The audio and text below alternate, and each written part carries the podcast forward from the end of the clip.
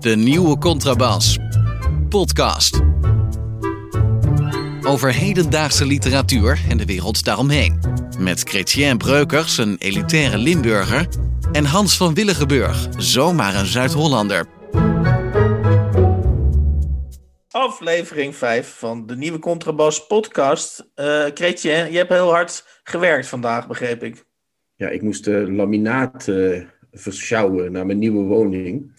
En uh, daarna helpen bij het leggen daarvan. Iets wat ik nog nooit gedaan had. En hoop voorlopig ook nooit meer te hoeven doen, eigenlijk. Ben maar dat laat je toch door vakmensen doen dan? Maar zeiden ze van, dat, dat kunnen wij niet, hebben we jouw hulp bij nodig? Nee, er moeten er twee bij zijn, want dat wist ik ook niet. Maar daar moet iets, dat moet je namelijk steeds aanschuiven en aankloppen en aandingissen. En die tweede, dat was ik dus. Dat is, dan is het goedkoper. Hè? Dan ben je minder mensen kwijt. Mensuren kwijt. En dan, nou ja, dat deed ik dus. Maar ja, ik ben al wat ouder, Hans. En het is echt. Ik kan het niemand aanraden hoor. Ik ben niet zo'n klusser, maar dit is echt verschrikkelijk. Oké, okay, maar je hebt nog wel wat energie na, de, na het na leggen van dat aan, na het aandrukken van het laminaat. Heb je nog wel net genoeg energie over om over literatuur te praten? Daar, daar, kan ik, daar kun je me voor wakker maken, Hans. Dat weet je. Dat is echt uh, altijd goed. Altijd goed. Ja, ik, waar ik het graag even met je over wil hebben. Ik weet niet of jij dat ook uh, hebt uh, waargenomen. Maar ja, wij maken dus sinds kort een podcast over literatuur, over boeken. En uh, opeens, uh, ik weet niet of wij dat geïnstigeerd hebben, dat, dat zou ik niet durven zeggen, maar opeens springt het aan alle kanten springen nieuwe initiatieven uh, uit de grond. dit is geen goede zin, maar dat doet er even niet toe. Daar luisteren mensen wel doorheen. zo heb je dus in de, de avondshow, de vooravond, heb je, hebben we gisteren of eergisteren hebben we een nieuwe rubriek, De Parels van Chabot. Uh, gezien. En uh, dat is Bart Chabot met zijn drie zonen, die alle drie heel erg fanatieke lezers zijn. En ook is aangekondigd bij de VPRO, en dat, uh, dat gaat vanaf april lopen, het boekenprogramma Brommer op Zee. nou is mijn vraag, is, is, dit, is dit nou een heropleving van de literatuur of is dit een soort moedje? Is, dat, dat mensen, dat, dat omroepen denken, nou we moeten ook iets aan literatuur doen? Ik denk dat het een, dat het een schaamlapje is, Hans. Een cultureel schaamlapje. Dat het een uh, ik denk eigenlijk dat het al fout is gegaan bij Van Dis. Dat het daar, daar is het begonnen. Ik vond dat toen wel leuk. Even voor de, jonge, even voor de jongere kijkers. Uh, Adriaan van Dis, dat, uh, dat, was volgens mij in 1986. Toen hij begon met zijn show. Hier is Adriaan van Dis. Ja, daar waren steeds drie schrijvers in de show. Maar de, de show ging eigenlijk op den duur meer over Adriaan van Dis dan over de schrijvers. En Adriaan van Dis werd een celebrity doordat hij op de televisie was. En uh, wat drinken we? Rood of wit? Je weet het wel. Hè? Hij werd echt zo'n zo een beetje geaffecteerde man. Niet onaardig, maar het ging toch over Van Dis allemaal. Uh, en nu, uh, nadat kort geleden, vorig jaar was er een programma dat heette Mondo. Daar wilden ze ook in, aan, in, aan literatuur doen. Maar dat mislukte een beetje, dat programma. Dat, dat, waarom weet ik niet. Ik denk dat dat. Nou, het ging, dat, dat ging echt fout. Als ik, als ik daar mijn eigen analyse even over mag loslaten. Als ik zelf even als brommende oudere uh, uit de kast mag komen. Is dat, dat ging natuurlijk al fout bij, bij het idee dat het een magazine was. Dus, dus, dus, dus dat ging helemaal niet exclusief over literatuur of over boeken. Maar uh, dat, dat was zeg maar een, een, een verzameling van, van dingen die dan bij, uh, op de VPRO-redactie interessant werden gevonden. En uh, ja, dat leverde dus een heel uh, ongestructureerd programma op, als ik het zo uh, even neutraal mag zeggen. Hybride programma zou je kunnen zeggen. Nou ja, we hadden natuurlijk een boekenprogramma tot voor kort, tot vorig jaar. Sterker nog, ik ben in een van de laatste afleveringen ben ik nog te gast geweest. Met hele goede presentatoren en interviewers. Wim Brands natuurlijk, de betreurde Wim Brands. Jeroen van Kan, Tjitske Mussen, Carolina, Carolina Logalbo, Logalb, pardon, Logalbo. Logalbo. Logalbo. Ja. ja. ik kan haar naam uh, blijkbaar niet heel goed uitspreken, waarom weet ik ook niet. Uh, dus dat was een prachtig programma. VPRO dat had eigenlijk meer dat, kijkers. Ja, ja VPRO boeken. Dat had meer kijkers dan Mondo op den duur. Dus waarom dat per se weg moest, ik weet het niet. Uh, het was een prachtig programma. Er werd ook veel naar gekeken. Het had ook wel effect als je daarbij was. Dat was echt fijn. Uh, maar nu krijg je dus een programma met Wilfried de Jong en Rut Joos. En Rut Joos is oké, okay, is een goede interviewster uit Vlaanderen. Maar die Wilfried de Jong, dat is natuurlijk ook een, een mannetje. Hè? Dus die gaat daar de Wilfried de Jong show van maken. Dus dat wordt weer veel sport en heimwee. En voordat je het weet zit je weer de hele tijd Kees van Koten en Jan Mulders te lezen in dat programma. Dus ik zie dat niet echt als een uh, aanvullen. Oké, dus de conclusie waar we natuurlijk op aansturen, uh, daar kunnen we open over zijn, is dat voor het echte, echte goede boekennieuws of de, de, voor, voor de echte literatuurliefhebbers is er maar één adres en dat is de nieuwe Contrabas. Dat sowieso, ja. Ik denk wel, wat ik wel vond over die Chabotjes, dat is echt een soort uh, dynastie aan het worden. Vroeger had je Jan en Juri Mulder en Johan en Jordi Cruijff, maar nu heb je Bart Chabot en een stuk of 18 uh, aanhangsels. Het zijn net konijnen daar in Den Haag. Uh, maar die, die, uh, die chabotjes, die, uh, ik vond het een beetje, beetje treutig. Maar, toch vond ik dat die, die Splinter, die, die, die schrijver van, van de zonen, of, of die zijn allemaal schrijver ook, hè? dat weet ik eigenlijk niet precies. Maar die Splinter had een leuke tip. Die tipte een tevreden lach van Andreas Burnier. Vond ik wel weer grappig, dat hij een onbekend boek eventjes naar voren haalde. Oké, dus dat, dat was een hoopvol, dat was een hoopvolle opflakkering ja, ik hoop dat hij elke keer zo, zo zich tot dat niveau weet te, te, op te werken. Dan uh, is het een mooie aanvulling op de nieuwe Contrabas podcast. Dan nog even, uh, uh, aangezien we nu um, over, over grote jongens hebben. Want de televisie is natuurlijk wel een wat ander medium dan de podcast. Wij moeten het tot nu toe tot, on, tot dusver doen met ongeveer 300 luisteraars gemiddeld per, per podcast. Uh, kunnen we daarmee leven? Of moeten we mensen onder druk gaan zetten, Christian? Ja, dat laatste denk ik toch wel. Ja, ja, ja.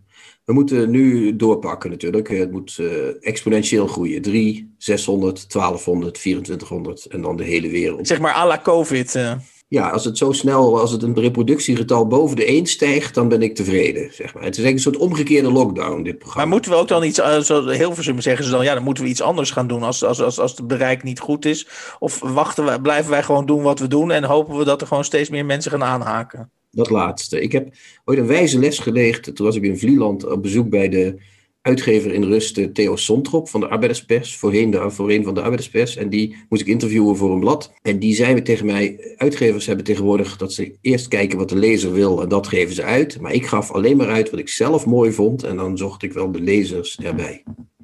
En dat gaan wij doen. De braakrecensie. Literaire recensie die miskleunt en slecht is geschreven. Kretje, de braakrecensie. Uh, dat, dat is tot nu toe een wat, wat, wat ondergesneeuwde rubriek. Maar, maar jij bent deze week gestuurd op een recensie waarvan je denkt, uh, daar moet ik iets doen, mee doen in de podcast. Klopt Hans. Ik heb uh, een stukje gelezen in de Volkskrant van 12 februari 2021.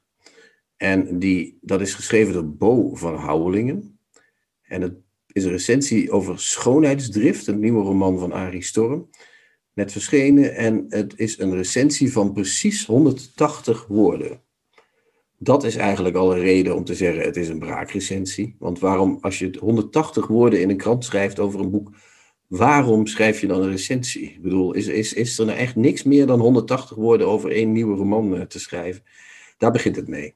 Maar dan die kunnen we makkelijk even doorlopen, die recensie, want het is maar 180 woorden. En boven Houwelingen. Ik, ik dacht vroeger altijd dat dat een man was, maar het blijkt een vrouw te zijn. Want ik zag het bij de uitreiking van de Biesheuvelprijs voor korte verhalen. En daar bleek ze dus een vrouw te zijn. Dat wist ik niet. Uh, toen heb ik er gegoogeld, dat is een ex van Thierry Baudet. Daar schrok ik even van. Maar goed, dat maakt niet uit. Dat heeft niks met die recensie te maken. Maar ik wilde toch even zeggen. Uh, boven Houwelingen begint zo. Ik wil schrijver zijn op mijn eigen voorwaarden, schrijft Arie Storm in zijn nieuwe roman. Nou, als iemand erin slaagt om zijn eigen voorwaarden te op zijn eigen voorwaarden te schrijven, dan is het Storm wel. In feite schrijft hij altijd hetzelfde boek. Dubbele punt, schrijver schrijft een boek, soms ook weer over een schrijver die een boek schrijft, en er gebeurt iets wonderlijks tijdens het schrijfproces. Punt. Nou, dat is een alineaatje en daarin zegt ze eigenlijk al twee dingen. Daar zegt ze, als er iemand is die op zijn eigen voorwaarden schrijft, dan is het Storm wel. Nou, dat kan. Maar dat legt ze verder niet uit. En daarna zegt ze, in feite schrijft hij altijd hetzelfde boek. Dan zegt ze iets over zijn literaire procedé. Hij schrijft altijd hetzelfde soort boek. Volgens mij bedoelt ze hier te zeggen, op een misschien wat ingewikkelde manier, Arie Storm is wereldvreemd. Ja, maar dan kun je dus, eh, als je 180 woorden nodig hebt om dat zo te schrijven, kun je eigenlijk zeggen, Arie Storm is wereldvreemd. Punt. Heb je nog minder woorden nodig. Dus dat is echt uh, een heel goede tip. Dus bovenhoudingen, ik krijg ook nog een tip hier. Maak het nog korter. Hè? 180 woorden, helemaal niet nodig. Een stuk of 10 is ook goed. Nou, dat is dus, ze wil iets zeggen, maar ze zegt het niet. En ze zegt ook nog twee verschillende dingen. Daar begint het mee. En dan, in schoonheidsdrift verliest de schrijver een goede vriendin en vertrekt hij naar Londen om daar tot zichzelf te komen. En om te schrijven natuurlijk. Tot zijn verbazing belandt hij in een Woody Allen-achtige filmtoestand. Hij bevindt zich half in het nu, half in het 19e eeuwse Londen, waar hij de door hem bewonderde dichter John Keats ontmoet. Weer hetzelfde als in de eerste alinea. Die schrijver gaat dus naar Londen, komt in een Woody Allen-achtige toestand terecht. Maar Woody Allen heeft niet zo heel veel films waarin hij in het verleden terechtkomt. Dat is eigenlijk helemaal niet zo vaak bij Woody Allen het geval. Enkele keer misschien, maar niet echt idioot vaak. Dus hier zijn er alweer twee dingen. Hè? Hij doet altijd hetzelfde. Hij doet iets Woody Allen-achtigs. Maar dat is niet iets Woody Allen-achtigs. En dan komt hij ook nog John Keats tegen. Ik begrijp het nog steeds niet. Jij wel? Heb jij hier ook een korte zin voor, Hans? Iets wat je net, dat je net even samenvat? Ariston is wereldvreemd. Oh, dit is 180 woorden, dus je bent er nu al op twee derde van, van ja, Ja, ik ben op twee derde, dus we, kunnen de recensie even... Ja, ik, ik, ben nog niet helemaal... Uh, komt er nog een afschuwwekkend einde nu? Nou, dan hebben we het einde. Vintage Storm. Dit laveren tussen verschillende niveaus van fictionaliteit in zijn zo herkenbare, meanderende stijl. Je kunt tijdens het lezen gerust een paar bladzijden wegdromen. Dat doet de schrijver zelf ook voortdurend. En dan heb je eigenlijk nog niks gemist. Al loop je wel het risico hopeloos te verdwalen in Storms literaire labyrint. Maar dat zal wel precies de bedoeling zijn. Wie begrijpt dit? Ja, het is, het is eigenlijk een, uh, het is een soort aanklacht. Zoals ik het uh, lees, is het een aanklacht tegen Arie Storm. En heeft ze dit, heeft ze dit boek gebruikt om, om die aanklacht te verversen, eigenlijk. Ja, maar welke aanklacht zit er dan eigenlijk in? Ik begrijp het niet helemaal. Nou, de aanklacht die, er, die ik erin lees, uh, is dat Arie Storm natuurlijk helemaal, uh, zoals we dat volgens mij in de jaren tachtig noemden, verliteratureluurd is. Uh. Ja, maar is dat, is dat erg tegenwoordig dan blijkbaar? Ja, blijkbaar wel. Voor, voor bovenhouweling misschien wel, ja. Ja. Nou ja, ik, ik, ik, schrok van deze recensie. Ik schrok van het niveau ervan. En ik schrok ook van... van van de manier waarop Bo zich hier dus positioneert. in 180 woorden zulke enormiteit zeggen. Ik, ik heb haar werk niet gevolgd nog, maar ik ga het toch eens een tijdje doen om te kijken wat, er precies achter zit. Want ik, ik, kijk, Arjen Peters moest weg omdat hij een verstoorde arbeidsrelatie had met de Volkskrant. Maar ik ben nog niet van overtuigd dat bovenhouweling de bright young shining star is die, de, die hem gaat opvolgen. Mijn analyse is dat jij, uh, dat jij een liefhebber bent van het werk van Arie Storm. Dat jij een heel klein beetje persoonlijk aangevallen voelt door deze recensie. Ik ben wel een uh, liefhebber van, uh, van het werk van Arie Storm. Maar ik voel me niet zozeer aangesproken. Maar ik vraag me echt af waarom, en daarom heb ik deze recensie ook genomen. Waarom neemt iemand de moeite om een stukje van 180 woorden. Hè? Ik bedoel, 180 woorden in een krant. Ik bedoel, dat is toch werkelijk.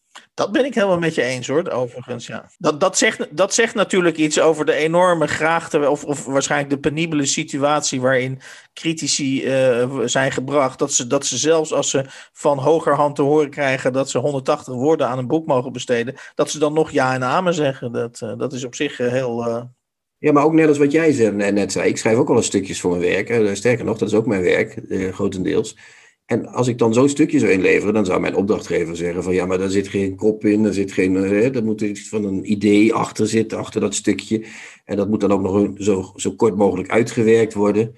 En dat krijg ik terug, zo'n stukje. En dat staat dan als literaire kritiek in de krant. En dat vind ik echt zorgwekkend. Maar zoals we alle weten, en dat is wat mij betreft afrondend, is natuurlijk, als je, zeker als je voor een krant werkt, en ik heb ook voor de Volkskrant gewerkt, uh, voor de Groene onder andere ook, is dat natuurlijk uiteindelijk, uh, in tegenstelling tot wat je nu online publiceert, waar in feite de, de, het publiek het, je, je recensent is, of, of de mensen die reageren, uh, is het als je natuurlijk bij een traditioneel medium werkt, doet er maar één mening toe, en dat is de mening van, van in dit geval van de boekenredactie of van de boekenredacteur van de Volkskrant. En als die ook uh, niet zo'n fan is van het werk van Arie Storm, dan wordt dat met, met, met, met, met slingers ingehaald, zo'n stukje, kan ik me voorstellen. Ja, geen leuke situatie. Wij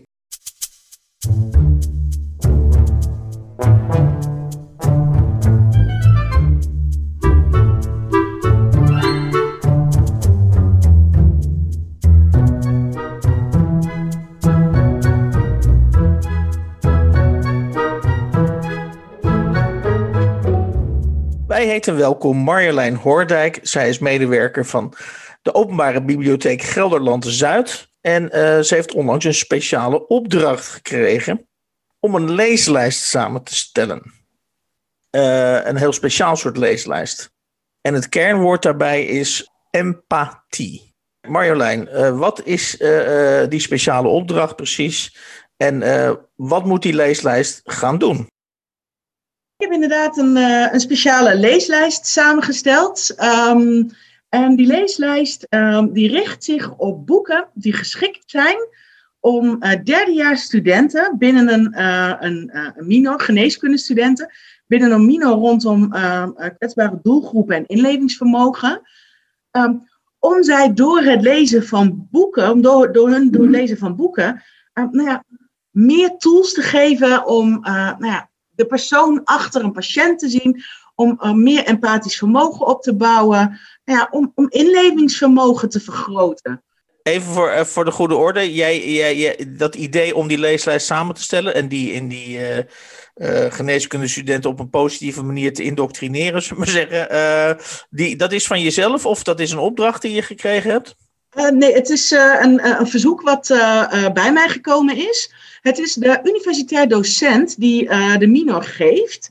Um, hij was op, tijdens zijn vakantie, in de zomervakantie, was hij lekker op zijn campingstoeltje een boek aan het lezen bij zijn licht van Gerda Blees. En terwijl hij dat boek las, realiseerde hij zich van door dit boek ehm, heb ik een kijkje gekregen, in de psyche van uh, de vier mensen die in dat boek um, de hoofdrol spelen. Um, en hij heeft het boek sowieso een bijzondere vertelwijze, dus is het zo. Misschien even goed om te zeggen, misschien even goed als aanvulling, dat zijn mensen die uh, in een soort uh, leefgroep wonen, vier mensen in die in dat boek een rol spelen. En die vier mensen die hebben een, die geven muziekles voor mensen, die hebben een soort muziektherapie. Dat gaven ze tenminste in het echt wel, want ik woonde vroeger bij ze in de buurt. Maar dat zijn vooral ook mensen die denken dat ze van het licht, wij zijn licht, heet het boek ook, die denken dat ze van de zon kunnen leven en die eten niet. En met één van de vier mensen, van, met voor één van die vier mensen een tamelijk ellendig resultaat, want die sterft. En dan begint dat hele boek van wij zijn licht vanuit verschillende perspectieven wordt dan verteld over die mensen. Graag terug naar de camping nu. Ja, maar het is wel goed dat je toelicht. Uh, want hij las dat op de camping en um, uh, hij is uh, huisarts. Naast zijn werk als, als universitair docent is hij huisarts in een TBS-kliniek. nou, dit soort mensen zitten natuurlijk niet in de TBS-kliniek, maar mensen in de TBS-kliniek um, die hebben ook allemaal een eigen verhaal. En daarbij is het moeilijk om te zien wie is de persoon achter die TBS'er. Maar het helpt jou als, um, als, als behandelend arts om die persoon te zien. En dit boek gaf hem de realisatie dat als hij een van die vier mensen als patiënt tegenover zich zou hebben gehad, en die persoon had gezegd: Ik voel me niet zo lekker, uh, maar inderdaad, ik kan leven van de lucht, de liefde en de zon, en ik heb geen eten meer nodig. Als hij had gezegd, puur vanuit de wetenschap geredeneerd, dat is kwatsch, dat kan niet, daar is bewezen dat dat niet kan, dan had hij die persoon tegenover zich nooit bereikt. Dus zodoende is bij hem het zaadje geplant van, um, hier moeten we iets mee. Uh, hij heeft toen contact opgenomen, hij kende de directeur van, uh, van mijn bibliotheek, Bert Hogemans, kende hij gewoon persoonlijk. En hij heeft contact opgenomen met de directeur van onze biep en heeft gezegd, ik wil hier iets mee, ik weet nog niet exact wat, kun je me helpen? En hij had dus op dat moment, begrijp ik dus, één hij was, uh, het is in ieder geval een heel duidelijk verhaal, uh, dat dat boek van Gerda Blees hem dus op dit spoor uh, heeft gezet. Als dat boek niet was geweest, dan was dit spoor er waarschijnlijk ook niet, niet geweest. nee, of later, dat zou kunnen, maar ja. Maar toen was aan jou dus de schone taak om, om vervolgens, ik zou bijna zeggen, boeken à la dit boek bijeen te rapen, met, met als doel hetzelfde effect. Ja, maar dat ging vrij makkelijk. Sowieso, ik ben uh, misschien wel even goed om toe te lichten wat mijn functie is bij de bibliotheek. Ik ben programmamaker en ik specialiseer me echt in jongeren. En, en dan hebben we het over jongeren van, basis, van, van de brugklas, hoewel ik daar tegenwoordig ietsjes minder mee doe. Ik doe heel veel lezen voor de lijst voortgezet onderwijs, ROC doe ik. Um, en ik werk veel met individuele jongeren tot een jaar of 25. Dus die studenten die een jaar of 22 zijn, die zitten precies in die groep die ik goed ken. En alles wat ik doe, ik lees zo'n 80 boeken per jaar. Ik, ben, uh, um, ik zit ook in de jury voor het beste boek voor jongeren, dus dat verplicht sowieso tot heel veel lezen. Aha. Dus er zit voor mij um, er zit zo'n berg boekenkennis in dat hoofd. Dat op het moment dat ik in gesprek ging met, uh, met Remco, uh, de docent, Remco Haringhuizen, dat wij in gesprek gingen en hij begon te beschrijven over wat voor kwetsbare personen hij het wilde hebben, dan gaan automatisch die radartjes draaien. En als hij het dan heeft over, over autisme, dan weet ik alle minuut, ik moet Paul hebben van Erik Jan Harmens. Want een ontzettend grappig, intelligent boek, wat je echt meeneemt in de gedachtenwereld van die autistische Paul.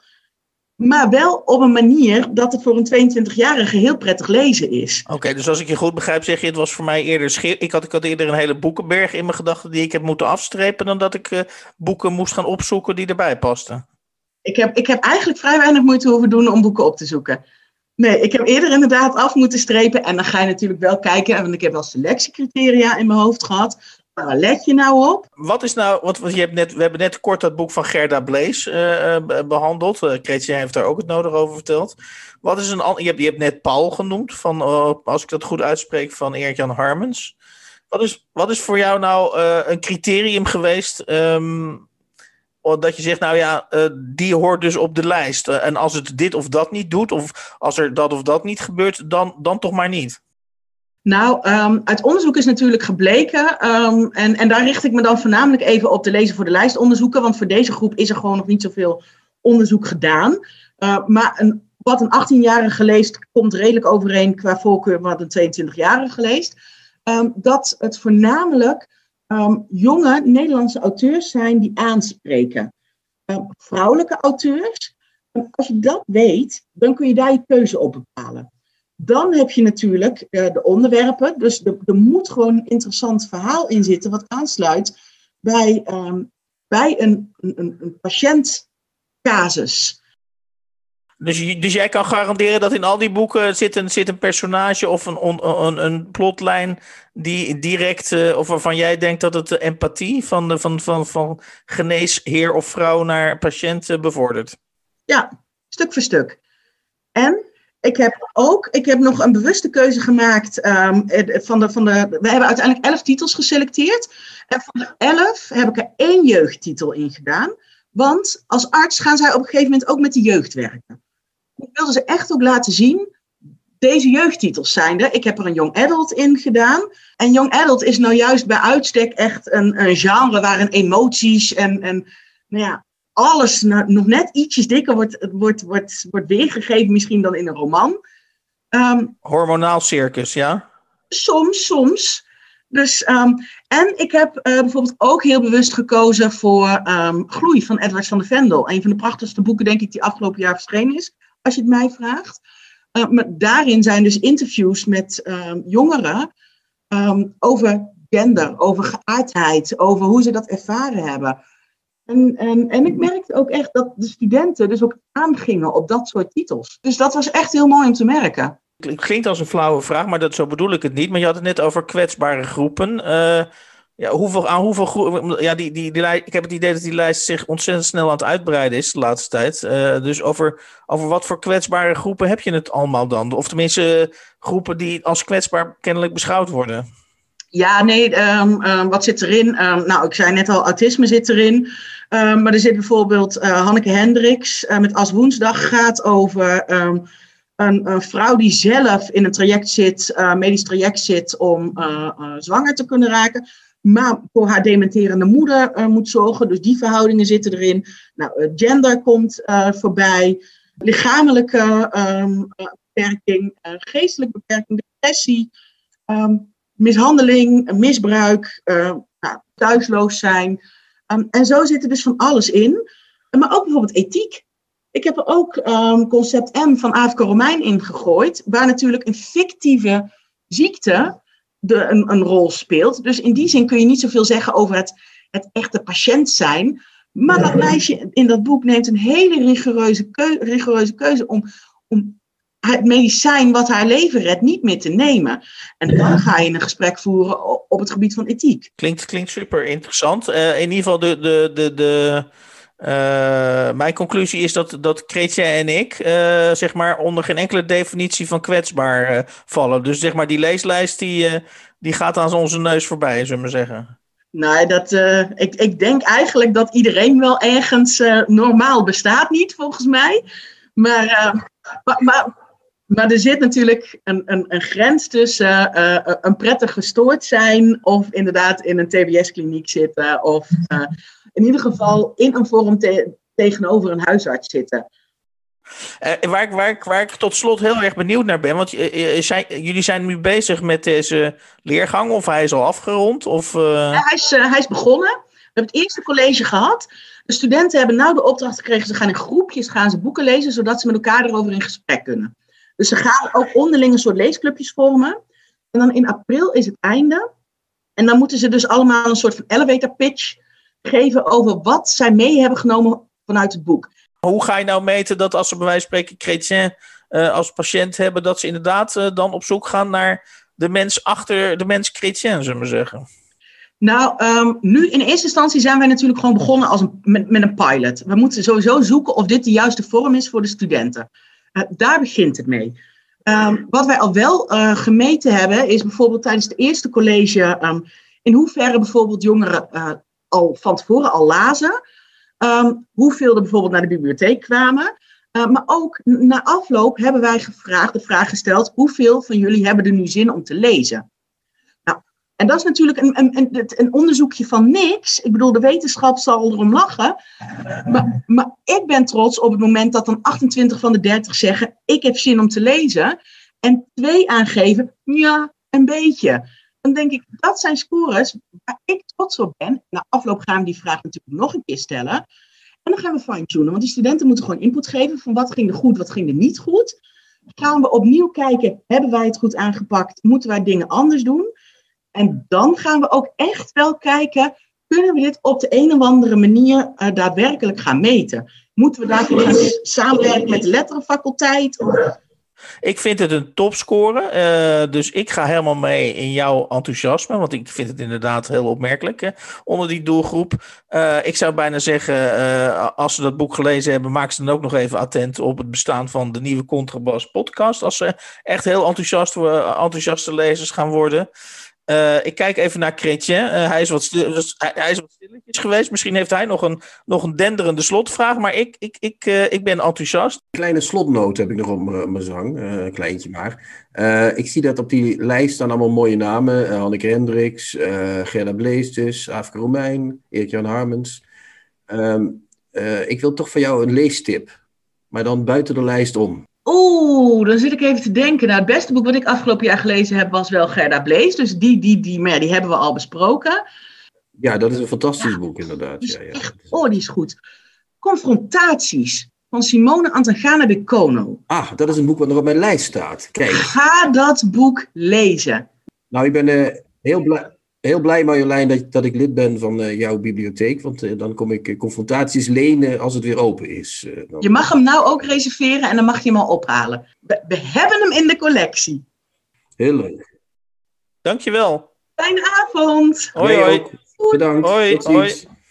Nou, Kretje, ik ben, ben echt volledig meegesleept door Marjolein. En ik vind het ook echt een prachtig voorbeeld van hoe literatuur ongetwijfeld in jouw ogen uh, misschien misbruikt wordt. Maar uh, voor psychosociale doeleinden. Uh, maar goed, als ik dan hoor dat zo'n hele klas eigenlijk al enthousiast staat te trappelen om, om, om boeken te lezen. En, en ook nieuwe boeken te lezen. Omdat ze misschien nog wel veel meer psychosociale problemen willen oplossen. Denk ik, ja, ik vind het prachtig. Ja, dat is, uh, dat, is fijn, Hans, dat je dat vindt. En ik ben. Uh, ik, ik moet zeggen dat ik tijdens het gesprek uh, met Marjolein ook volledig door haar meegesleept werd. Ik ben heel blij dat ik bij haar bibliotheek lid ben. Hè? Dat ben ik dat zei ik al tegen haar, maar dat is ook echt zo.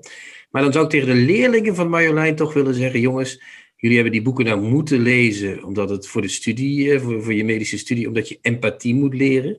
En zoals ik zelf, als ik mezelf één keer mag citeren in deze podcast, empathie is een wurgslang. Dus kijk daarmee uit, jongens uh, en meisjes. Uh, maar wat ik tegen die leerlingen zou willen zeggen, het is goed dat jullie via deze omweg in de literatuur zijn gekomen, maar bedenk wel dat literatuur een autonome kunst is en dat, er meer is dan, dat het meer is dan alleen een leermiddel. Dat zou ik dan toch nog wel even willen zeggen tegen die jongens en meisjes. Tips van de week. Boeken, artikelen of pamfletten die boven het maaiveld uitsteken. Hans, de tips. En ik moet zeggen dat dit voor mij een mooi moment is. Eh, ik ben echt uh, al de hele dag uh, tijdens het laminaat leggen aan het uh, murmelen voor mezelf, tegen mezelf. Hans heeft een boek van een vrouw gelezen. Klopt dat, Hans, of niet? Ik heb het idee dat ik daar gelijk in heb, of niet? Ja, vond je het een troostrijke gedachte dat je dat ook steeds herhaalde? Het heeft me door dat kluswerk heen gesleept, echt. Ik, was, ik, was, ik ben op vleugelen van geluk ben ik er doorheen gegaan. Oké, nou, ik, ik kan je inderdaad uh, geruststellen. Ik heb inderdaad een boek van een vrouw gelezen. En het is, het is een hele bejubelde uh, schrijfster. Uh, in, in, in, in de Anglo-Saxische wereld althans. ze heet Ellie, Ali Ellie Smith. En ze heeft een, ja, hoe zeg je dat? Een quadrologie. In ieder geval vier boeken geschreven. Herfst, winter, zomer en lente natuurlijk. Oké, ik zeg het nu in, in volgorde even verkeerd. Maar, uh, en ik heb haar boek Herfst gelezen. En de, de, reden dat ik dat gekozen heb, is dat in de NRC stond dat de politiek misschien geen antwoord op populisme heeft, maar dat, dit, dat deze roman misschien dan wel de antwoord, het antwoord op populisme zou zijn. Dus ja, ik dacht, oké, nou ja, dan, dan moet ik dat maar eens gaan lezen. En dan is natuurlijk jouw vraag: dat, uh, wat vond jij, Hans? Hoe beviel dat een vrouw lezen? Nou, bij Ellie Smith, die dus ook uh, met dit boek volgens mij voor de, voor de Booker Prize is genomineerd. Ja, ik had er dus hoge verwachtingen van. en ik, ik, ben er wel, ik ben er wel doorheen gekomen. Maar waar dit boek volgens mij aan mank gaat, of wat mij, wat, wat mij in ieder geval erg stoorde, was dat er wordt van alles ingedonderd in dit boek. Uh, dus de Europese Unie, uh, inderdaad gen het gender uh, gebeuren. dan wordt er politiek natuurlijk. En, en, en het gaat over kunst en over schilderijen. Je, je, er, drie kwart van het boek denk je bij jezelf: waar gaat dit boek eigenlijk niet over? Hè? De, de, de, er, zit, er zit ontzettend veel in. En uh, ja, mij duizelde dat een beetje. Ik, ik heb liever een boek van nature. En of dat nou voor een, van een man of een vrouw is, dat doet er mij, voor mij echt niet zoveel toe. Is dat ik liever een klein gegeven heb, wat, wat heel spannend wordt uitgewerkt. Uh, dan dat ik, uh, zoals in dit boek, bestormd word door allerlei verschillende thema's. En nou is het niet zo dat ik. Ik zie heus wel dat Ellie Smith inderdaad een misschien best wel ingenieuze auteur is. Want het punt is dat de collagetechniek uh, in de kunst, uh, dat speelt een centrale rol in dit boek. Dus eigenlijk is, dat, is die roman zelf ook een soort collage. En worden er dus, misschien is het het, het erin donderen van thema's in een boek eigenlijk um, ja, een verwijzing naar de, naar de collagetechniek. Maar als je mij dan vraagt, Kretje, ga je nu onmiddellijk weer een boek van een vrouw lezen? Ja, dat valt me toch een beetje zwaar. Want Ellie Smith. Ik, ik, het, mijn grootste bezwaar tegen dit boek is dat al die personages zijn dus eigenlijk dragers van ideeën. En uh, dat mag natuurlijk, maar ja, ik, ik, ga, ik persoonlijk heb niet zoveel met de personages, nog met de verhaallijn of, of, of whatever. Dus dat vond ik een groot nadeel van dit boek. Ja, het is, het is een van de vier boeken. Hè? Het is dus een, alle seizoenen. Hè? De tetralogie gaat over de vier seizoenen. Zit er nog een lijn? Heb je het idee dat er een soort dat er iets is van dat komt later weer terug? Of dit is al iets wat eerder behandeld is? Zijn het vier samenhangende boeken? Nou ja, kijk, kijk ja, ik begon, natuurlijk, ik begon natuurlijk te vertellen met dat dit, uh, dat dit boek een antwoord was op de Brexit. Uh, uh, natuurlijk wordt er in het. ik zal even. ik vind er niet een hele duidelijke lijn in zitten. Maar de duidelijkste lijn die erin zit, is dat de hoofdpersoon, Elisabeth. die die raakt geïnteresseerd of door, de door haar buurman. Zij is een klein meisje en raakt geïntrigeerd door haar buurman. Dat is een man die heet uh, Gluck. Dus dat is een Europeaan in, in Groot-Brittannië. En zij raakt door hem, en hij weet heel veel van kunst. Uh, uh, dus zij raakt geïnspireerd door zijn verhalen. En zij gaat later kunstgeschiedenis studeren. En vervolgens uh, heeft ze een beetje zieltogend baantje op de universiteit als kunstgeschiedenisdocenten. En de, en de suggestie van dat boek is natuurlijk dat um, doordat Engeland zich gaat isoleren, doordat de Brexit er, doorheen wordt geduwd, um, dat, zijn, dat Groot-Brittannië zichzelf eigenlijk afsnijdt van haar Europese wortels. En dat wat die meneer Gluck aan rijkdom in haar, uh, in haar, uh, ja, geest, in haar geest plant, uh, dat die meneer Gluck, dat wordt in ieder geval op zijn minst gesuggereerd, straks na de brexit misschien wel helemaal niet meer in Engeland of in Groot-Brittannië komt te wonen. En dus die verbeeldingskracht die wordt...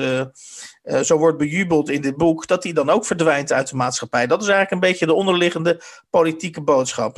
Oeh, dat klinkt inderdaad wel een beetje als uh, een tendensroman, zoals ze dat in Duitsland zo mooi uh, zeggen. Ja. zo, zou je dat, zo zou dat kunnen zien. Maar goed, misschien is het helemaal niet verbazingwekkend, aangezien jij en ik ehm, ons heel goed kunnen voorstellen dat zeg maar, de mainstream journalistiek uh, uh, dat dit, dit type boodschap daar natuurlijk heel, heel, uh, heel erg welkom is. Dus dat zo'n boek op een heel warm onthaal, met, met deze strekking op een heel warm onthaal kan, kan rekenen. Ja, ik weet het. Ik heb ooit één boek van haar gelezen toen ik in Praag woonde. En dat was Boy Meets Girl of zo. Dat was gewoon een heel leuk liefdesverhaal. waarin dat hele genderachtige ook wel een rol speelt. Want je weet heel lang niet wie wie is. De wie de boy is en wie de girl is. Maar dat was een heel uh, recht toe, recht aan. Dat was misschien, misschien is het wel dat. Moet je dat boek nu even, moet je even toch doorpakken, Hans, om in, in, in, in de vrouwensfeer terecht te komen, zeg maar. Dat je dan dat eenvoudige verhaaltje van haar leest en dan misschien dat, dat, weer, dat we dat weer gebruiken als opstapje voor, voor Virginia Woolf of zo tot slot wil ik, wil ik, wel, wil ik Ellie Smith uh, op het gevaar af dat ik haar te negatief en te behandeld heb. Er zitten wel een aantal hele grappige scènes in het boek. En een van de grappige scènes in, zit in het begin. Als zij een paspoort moet laten maken. Ik weet niet of dat herkenbaar is. Ze moet een nieuw paspoort hebben. En dan wordt er eindeloos, wordt die foto. Die foto die moet aan administratieve bureaucratische regels voldoen. En dan zit haar haar weer niet goed. Dan, zijn, dan, dan, is, er dan is er weer een stukje kin valt er af. En dan, ze is dus eindeloos bezig om een correcte foto voor dat ene stomme paspoort uh, goed te krijgen. En daar vond ik haar wel, dat vond ik wel een, echt een hele, hele grappige scène. Maar het boek als geheel vond ik dus eigenlijk veel te vol qua ideeën. Ja. Mag, mag ik jou dan een, een andere vrouw tippen? Hè? En deze, we zijn nu toch bij de tips. Dus ik, ik, eh, ik heb twee dingen. Ik wilde nog even terugkomen op de vorige week. Want toen begon je ineens, eh, toen zei je ineens dat ik uh, leeg liep met mijn boekenkennis. Toen werd ik een beetje, daar heb ik dit weekend, uh, deze week heb ik daar af en toe, ben ik af en toe rechtop in bed geschoten s'nachts. Ik was een beetje, ik dacht, wat is dit nou toch, Hans? Waarom? Waarom? Maar daar heb ik eens over nagedacht.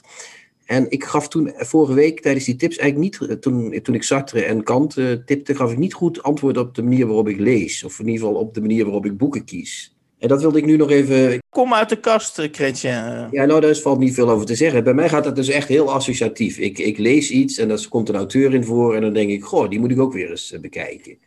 Uh, of ik zie een boek ergens liggen en het kost maar 5 euro. En het blijkt iets te zijn wat ik al heel lang had willen lezen. En dan koop ik dat en dan lees ik dat. Ik ben dus niet iemand die zegt: ik begin bij. Uh, Dostoevsky. En ik wil ook dan alle Dostojevskis lezen. Of ik wil alle dit en alle dat. En weet je wel, zo, je hebt van die methodische lezers. Die worstelen zich echt toch. Een vriend van mij die leest alle Russen, maar dan leest hij eerst Tsjechov. En dan leest hij dit en dan leest hij dat. Ah, super, super saai. Ik hou dat niet vol in ieder geval. En uh, deze week werd mij een uh, uh, boek ik, ik, ik, weet niet meer hoe. Ja, ik, ik kreeg het van iemand. Ik kreeg een boek van Laura Adler over Marguerite Duras. Dat is een uh, schrijfster uh, uit Frankrijk. Ja, oh, ik dacht dat je Duras altijd zei, maar jij oh, zegt Duras. Dat zou kunnen, want ik, schrijf, ik spreek heel slecht Frans, dus, dus ik, ik denk dat ik het fout zei. Ja, Duras. In ieder geval Duras, Duras, potato, potato. Hè? In ieder geval zij dus. En uh, een beroemde schrijfster van na de oorlog. Uh, ook groot geworden in de tijd uh, waar we het vorige week hadden over Sartre. Daar was zij in die tijd, was zij ook, uh, begon zij ook net met schrijven. Ze, ze kenden elkaar ook. Is een hele, ze maakte ook films. Ze was een hele interessante figuur. zoop enorm. Was heel e-, extravert, heel zelfstandig, heel interessant. Ze was in Indochina geboren. En, en dat is dus dan ineens, ga ik dan in die week die biografie zitten lezen, wat heel uh, akelig was, want die was van een hele zware roker geweest. Dus ik zat de hele week in die vreselijke dampen van, van die rook. Uh, uh, zat, want als je dat, dat, dat, blijft, dat blijft in dat boek hangen, zeg maar. Maar doordat ik dat boek van. Maar dat had je ervoor over?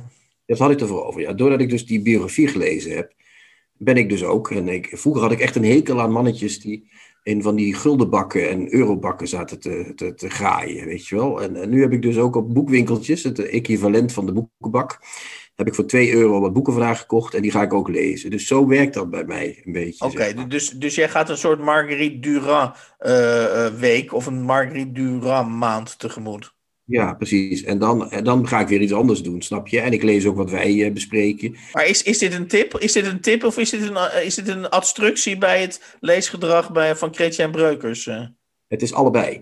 Ik zeg dus uh, lees zoals ik lees. Nee, iedereen moet lezen zoals hij zelf wil lezen. Maar ik wilde het toch even zeggen.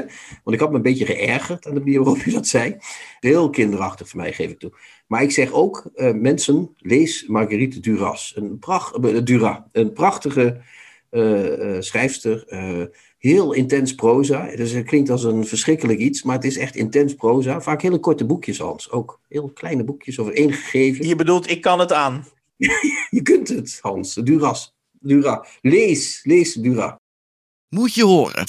Hans leest een favoriete passage voor uit een boek dat hij onlangs gelezen heeft. Hans, we hebben uh, ik zag je weer eh, vanmiddag met een uh, boek van een man rondlopen. Nadat je Elif Mis hebt gedaan. Dus het was toch weer over, het geluk. Uh, maar je had een hele speciale man, zag ik, uitgekozen. Welke ja, was vind je? Ja, vind ik heel speciaal. Ja, ja, ja. Robert Walser, als ik het goed ja, heb. Die, die man heet Robert Walser. het is een Zwitser. Dat, dat heeft, maakt sowieso dat is een weekplekje in mijn hart. Ik kom, ik, ik, in mijn jeugd dacht ik eigenlijk dat was het begrip vakantie voor mij synoniem met Zwitserland. Dus als, als je zei vakantie, dan zag ik gelijk hoge bergen en witte, witte Alpentoppen. Dus dat is voor mij sowieso verbonden met heel veel positiefs. En Robert Walser is een, ja, vind ik een fantastische schrijver. En hij heeft in dit geval het boek De Wandeling, ga ik, ga ik een stukje uit voorlezen. En um, het valt een beetje eh, in de categorie. Twee weken geleden heb ik een stukje van Dostoevsky voorgelezen. En uh, normaal is het zo natuurlijk dat in boeken bepaalde dingen geproblematiseerd worden, of dingen lopen vast, of er ontstaan conflicten.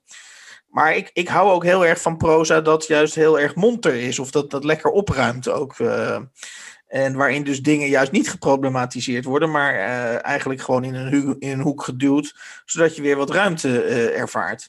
Nou, zo ervaar ik ook, uh, zo eigenlijk dat hele boek, De Wandeling, is één grote, één grote exercitie om dingen in een hoek te gooien en te zeggen van, jongens, uh, laten we niet moeilijk doen. Iets wat natuurlijk, waar, waar ik het eigenlijk een levenshouding waar ik het heel erg mee eens ben. En die misschien heel moeilijk te rijmen is met het houden uh, van literatuur. Maar goed, uh, toch is dat zo. Um, ik ga dus een, een, passage voorlezen uit de roman De Wandeling. het begint op pagina 19 en het gaat over een bezoek aan de boekhandel. Dus dat, dat vind ik extra mooi aan, dit, eh, aan deze Hopelijk was het wel een lokale boekhandel, want anders dan kunnen we het boek niet voorlezen. Ja, de, de boekhandel is zeg maar een paar straten verderop bij, uh, bij waar die woont. Ah, dat is mooi. Dat is mooi, ja.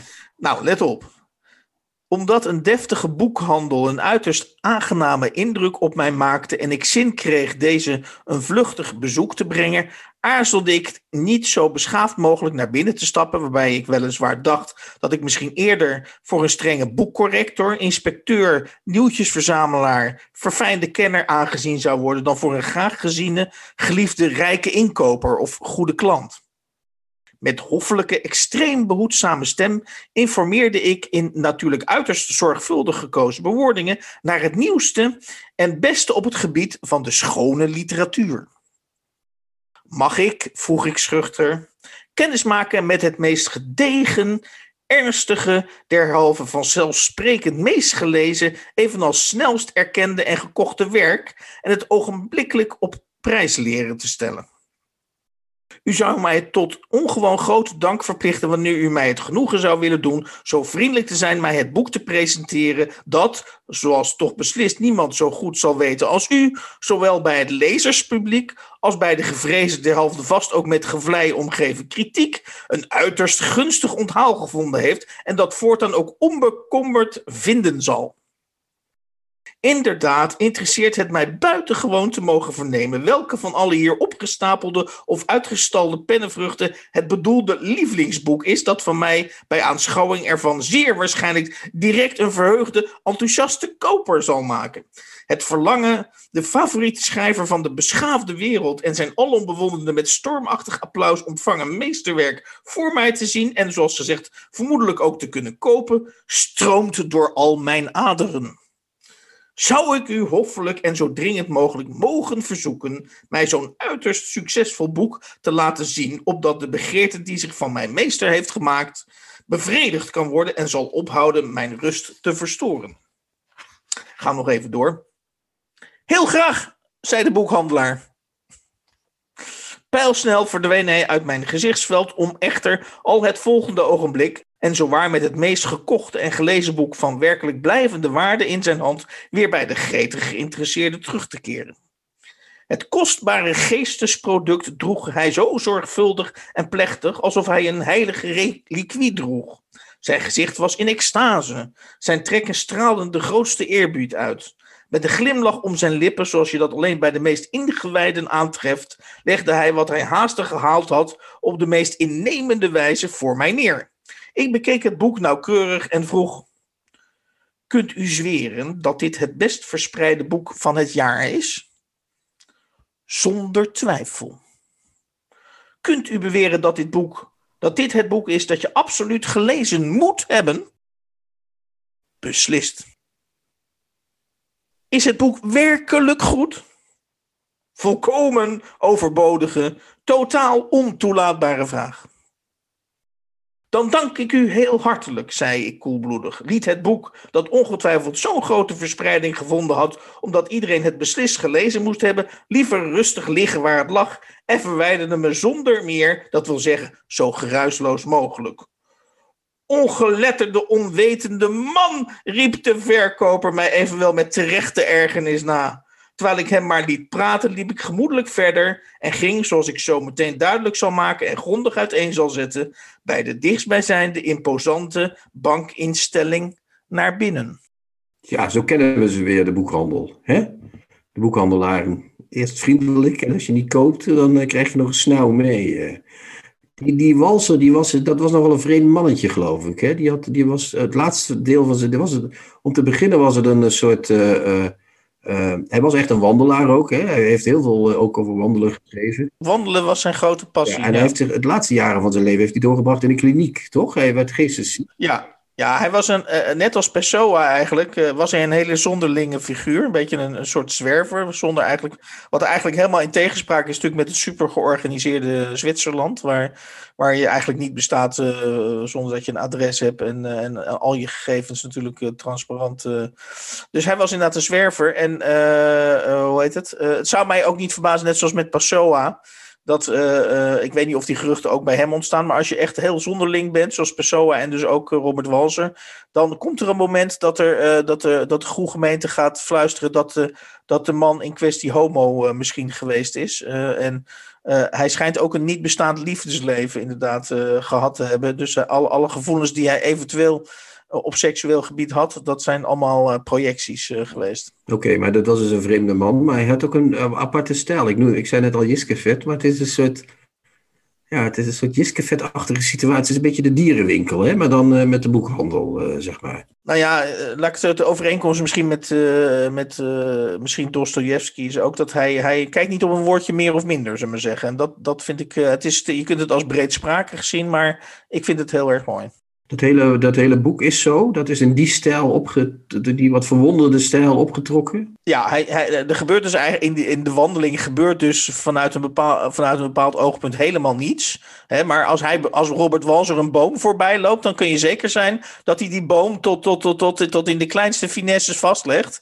En dat ruimt, vind ik, dat, dat vind ik dus het verkwikkende van zijn, van zijn, uh, van zijn werk. Is dat, ja, uh, dat wordt gewoon een hele bijzondere boom. Dat je zelf ook de volgende keer gaat denken van... Jezus, ik moet dus beter naar die bomen gaan kijken. Nou, dat is een enorm, enorm groot wonder eigenlijk, ja. Ja, dat is wat je net zei. Is dat wel literatuur, of heeft dat met literatuur? Ik denk dat dat juist is wat literatuur doet. Het maakt die ene boom bijzonder. En dan, dan ben je er. Dan is die boom bijzonder. Ja, fantastisch als je dat kunt.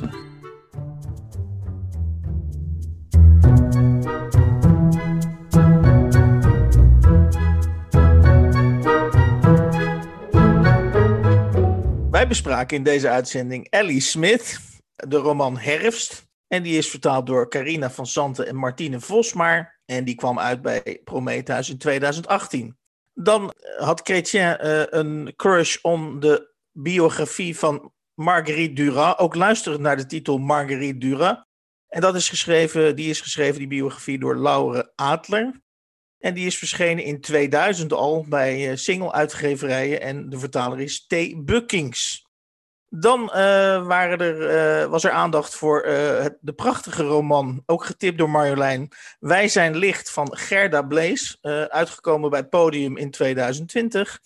En uh, riet ze ons op, het, op de valreep uh, nog een andere roman aan, namelijk Confrontaties van Simone Atangana Bekono, als ik het goed uitspreek, uh, uitgekomen bij Lebowski in 2020. Wil je reageren op, de, op deze podcast, dan kun je een mailtje sturen naar ons via podcast.denieuwecontrabas.blog.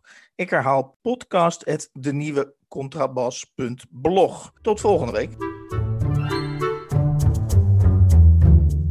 De nieuwe Contrabas podcast wordt gemaakt door Chrétien Breukers, Hans van Willigenburg en Erik Lindenburg.